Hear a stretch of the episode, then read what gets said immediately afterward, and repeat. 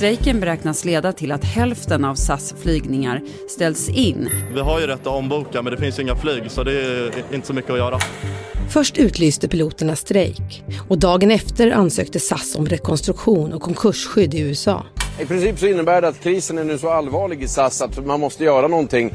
Och ett konkursskydd är det bästa i det läget brukar de flesta företag anse. Flygbolaget som krisat så många gånger genom åren står inför ett nytt ödesläge. A strike is the last thing the company needs right now.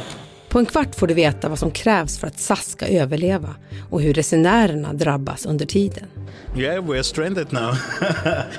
Det är onsdag den 6 juli. Jag heter Erika Hallhagen och du lyssnar på Dagens Story.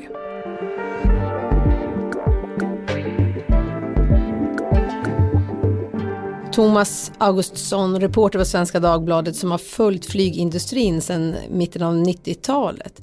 När vi spelar in det här avsnittet på tisdag förmiddag så har ju SAS precis hållit presskonferens och du följde den. Berätta.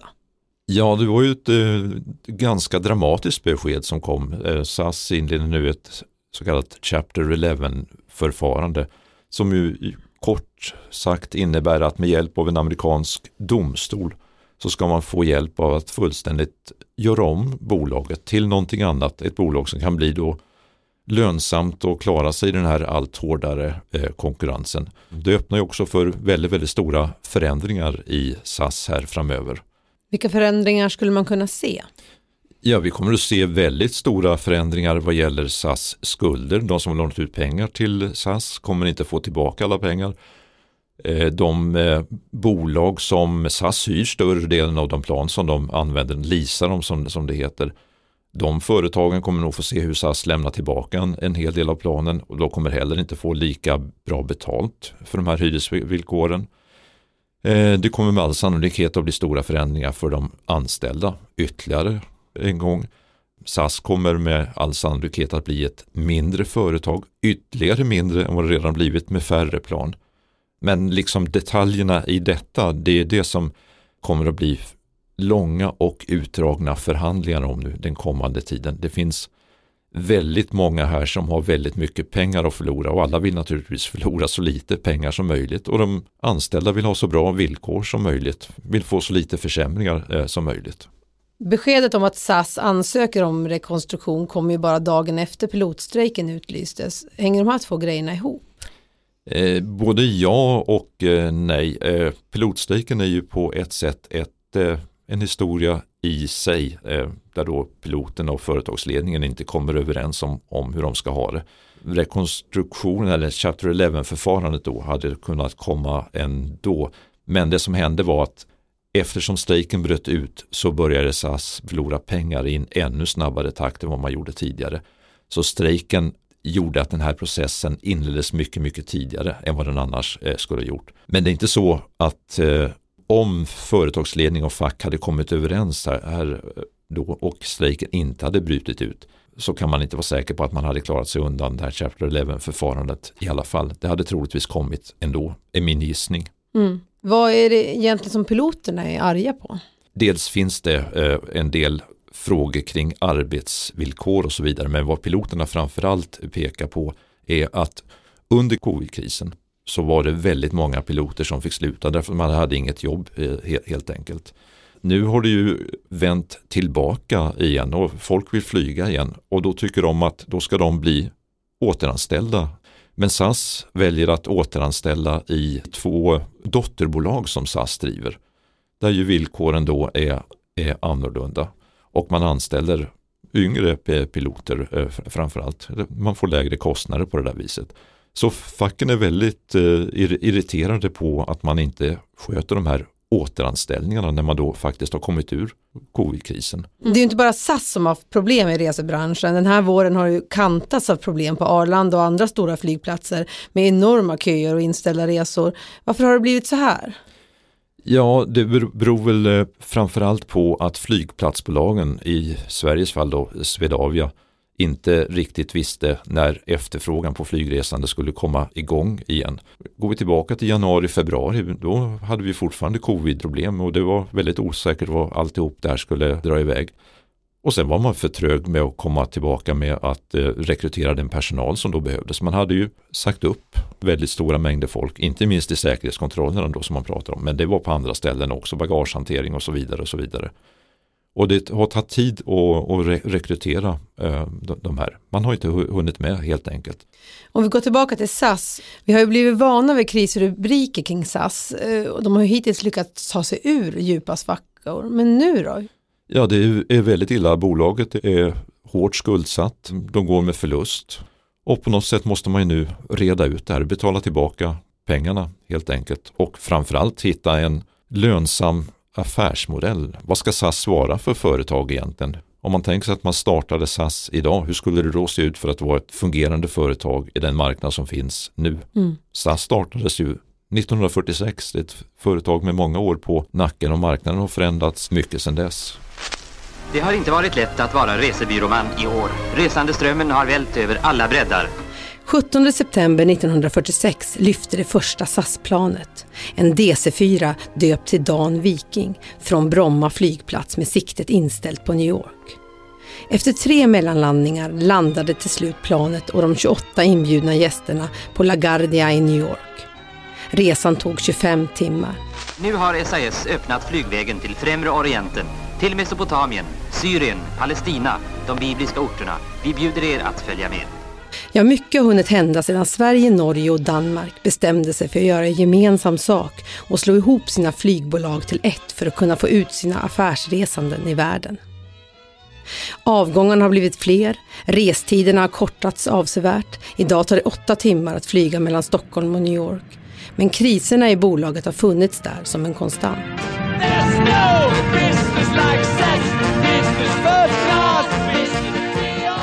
Det har varit oenighet med personal, bristande lönsamhet och dåligt fokus på vad resenärerna egentligen vill ha. Under Janne Carlssons tid som VD på 80-talet valde man att satsa på affärsresenärerna som kunde betala för sig. Men, men vad är det så för ett politiskt budskap där ligger, där ligger i det här konceptet med Businessman's Airline och man får vad man betalar för? Jämlikhet kan antingen definieras som att jämlikhet innebär att, att alla ska få exakt samma service. Eller så definierar man jämlikhet så att var och en ska få den service han behöver och är beredd att betala för. Och så har vi definierat det. Men när lågkostnadsbolagen kom på 90-talet tappade man snabbt kunder. Nu valde många att flyga billigt istället för att få den extra guldkanten som SAS erbjöd. 2012 stod SAS på konkursens rand men klarade sig då genom att företagsledning och fack enades om rejäla försämringar av anställningsvillkoren samtidigt som SAS fick in pengar genom att sälja av flera verksamheter. SAS har ungefär 600 flighter och 60 000 passagerare per dag. Och nu har man flaggat för att hälften av de här kommer att påverkas av strejken. Vad kommer hända för de här semesterfirarna som får sina flighter inställda? Ja, det blir ju jätteproblematiskt. De kommer ju inte att kunna resa med, med SAS eh, förrän eh, strejken är över. Om, eh, alltså har man tur så är ju, har man ju en biljett som är bokad till efter att strejken har, har upphört. Men det vet vi ju inte när, när det blir. Eh, de blir kort sagt standsatta. De kommer få väldigt svårt att eh, hitta nya biljetter hos något annat flygbolag därför att det är brist på kapacitet just nu. Det är fullbokat hos väldigt många. Så hoppet stod väl egentligen bara till att eh, försöka få tillbaka pengarna eller boka om till en resa senare och hoppas att strejken är över då. Eller ta tåget, men det är kanske är fullbokat också. Det finns väl risk för det kan man mm. tänka sig. Förutom inställda resor, vilka konsekvenser kan strejken få? Den påverkar naturligtvis förtroendet för SAS och det, det, är väl det kanske det största problemet. Många blir otroligt irriterade efter två års covid-nedstängningar och så har de äntligen tänkt resa. Och frågan är ju hur tänker de nästa gång? Alltså vågar de boka med SAS då? Eller eh, väljer man något annat eh, flygbolag? Det är en stor, eh, stor konsekvens. En annan konsekvens är ju faktiskt också att eh, förtroendet hos investerarna har ju minskat hela SAS plan förutsätter att man får in mer pengar, nya pengar. Men vem vill satsa pengar i ett bolag som har så stora problem mellan företagsledning och eh, en viktig grupp anställda som piloterna är? Hur har företagsledningen svarat på piloternas krav hittills? Ja, de har ju eh, vad vi vet i alla fall, alltså nu har vi inte varit med inne i förhandlingarna så vi vet ju inte riktigt hur de har, har förts. Men företagsledningen har ju sagt nej, eh, uppenbarligen varit väldigt eh, avvisande och eh, är helt, helt inriktade på att få igenom sitt omstruktureringsprogram som kallar, de kallar det för SAS Forward, SAS framåt. Eh, och den förutsätter ju eh, stora förändringar för personalen, piloter och andra. Kommer SAS gå i konkurs? Alltså hotet finns ju fortfarande där. Man kan ju, ehm, om den här eh, Chapter 11-förfarandet inte lyckas, om man inte kommer överens om, om hur bolaget då ska se ut framöver, om hur mycket man är villiga, olika parter är villiga att förlora. Ja, någonstans där framme så är ju konkurs kanske det enda som, eh, som i så fall återstår. Men det är ju naturligtvis vad alla vill försöka undvika nu. Så, så där är vi definitivt inte än. Nej.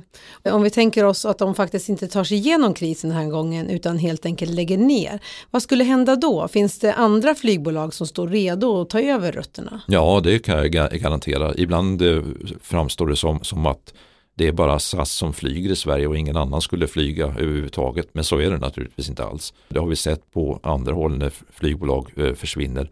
Alltså luckorna fylls väldigt, väldigt snabbt. Det blir ett glapp på några dagar, några veckor.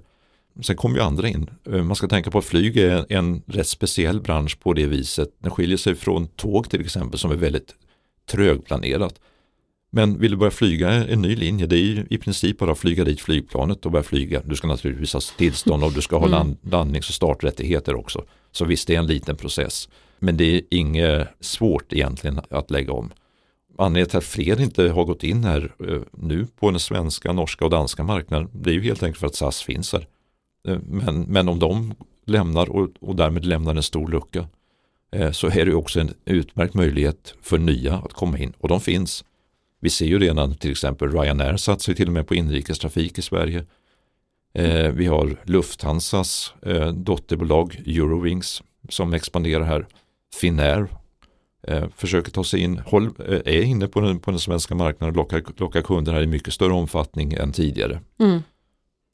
Konkurrenten Norwegian har ju gått igenom en rekonstruktion tidigare. Vad, vad innebär det för dem? Ja, Norwegian är ju, eh, kan man ju tycka, det är ju lite märkligt här. De expanderade jättesnabbt och sen fick ju de minst sagt stora problem i samband med covid-krisen. De tvingades till en rekonstruktion. Eh, där gjorde man sig av med långreseverksamheten. Men den vanliga verksamheten, den som handlar om resor i Europa, där är man på väg tillbaka nu som ett nystartat bolag kan man väl nästan säga. Och det är naturligtvis också eh, en stor konkurrent till SAS, ett bolag som också skulle kunna ta över mycket av trafiken om SAS eh, bara försvann. Oavsett hur det här slutar, SAS är ju lite av en slags nationalklenod här för, för Sverige. Eh, är det här slutet för den eran? Att den eran har ju visat sig vara mycket, mycket segare än vad man kunde tro och det är ju inget unikt för, för Sverige, Norge och eh, Danmark. SAS var ju från början gemensamägt av de här tre länderna. Eh, I flera andra länder har det varit precis likadant. Det blir eh, väldigt mycket av flag carrier som det heter. Alltså flygbolaget bär landets flagga och det finns något speciell aura kring det där. Vi har till exempel sett de senaste decennierna har, har ju de här Mellanösternbolagen växt fram. Emirates, Qatar och de är ju verkligen representanter för sina länder, sentida representanter. Turkish Airlines, precis eh, samma sak. Men det släpper väl också lite, eh, alltså bolag som British Airways och Lufthansa håller på att fjärma sig från det där. Men alltså man förstår ju bara av, av namnen att det finns fortfarande ett mått av liksom, nationell stolthet eh, över det här.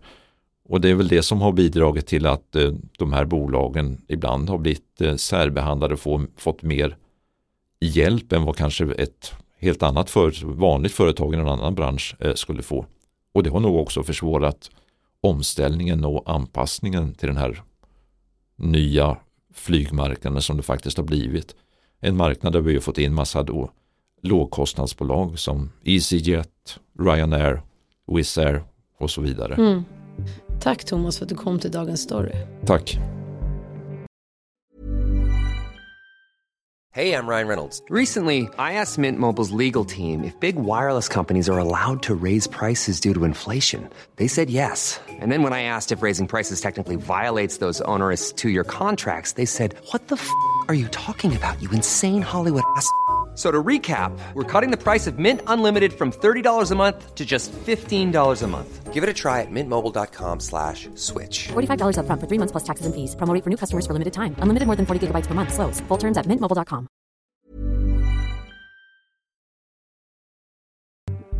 Vi som gjorde programmet idag är producent Kajsa Linderoth, redaktör Teresa Stenler från Matern och jag heter Erika Hallhagen. Vill du kontakta oss och mejla till dagensstory.svd.se. Klippen i dagens program kom från SR, TV4, Aftonbladet och filmerna Vi flyger till Bagdad och Världens bäste Karlsson.